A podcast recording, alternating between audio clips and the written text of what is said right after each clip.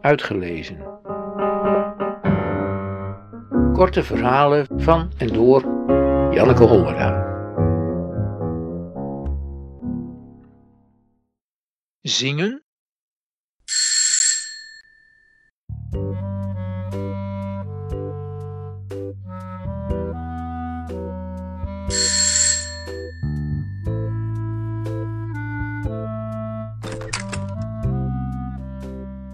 Terwijl ik met haar in de deur sta te praten, stuiteren de kinderen in hun pyjama's de trap op en af.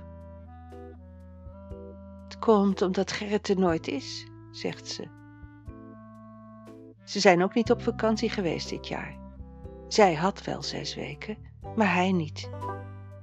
Naar boven en boven blijven, zegt ze. De kinderen verdwijnen in het trapgat. Ze wist het wel toen ze met een vrachtwagenchauffeur trouwde, maar in de praktijk valt het toch niet mee. Ze kan wel voor een keer oppas regelen, maar niet voor elke week. Bij de verbouwing deze zomer was hij precies één week thuis. En zwemles vier keer per week voor de oudste en volgend jaar de jongste ook. En haar eigen werk erbij. Nee, ze heeft niet te klagen. Het huis wordt mooi. Het is nog niet af, maar als het af is, dan is het een paleisje. Maar tijd om te zingen heeft ze niet. Ze zou best willen, maar nee, dat zit er niet in.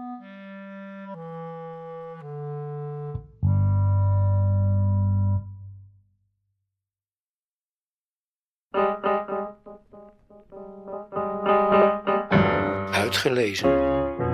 Techniek Redwing Producties.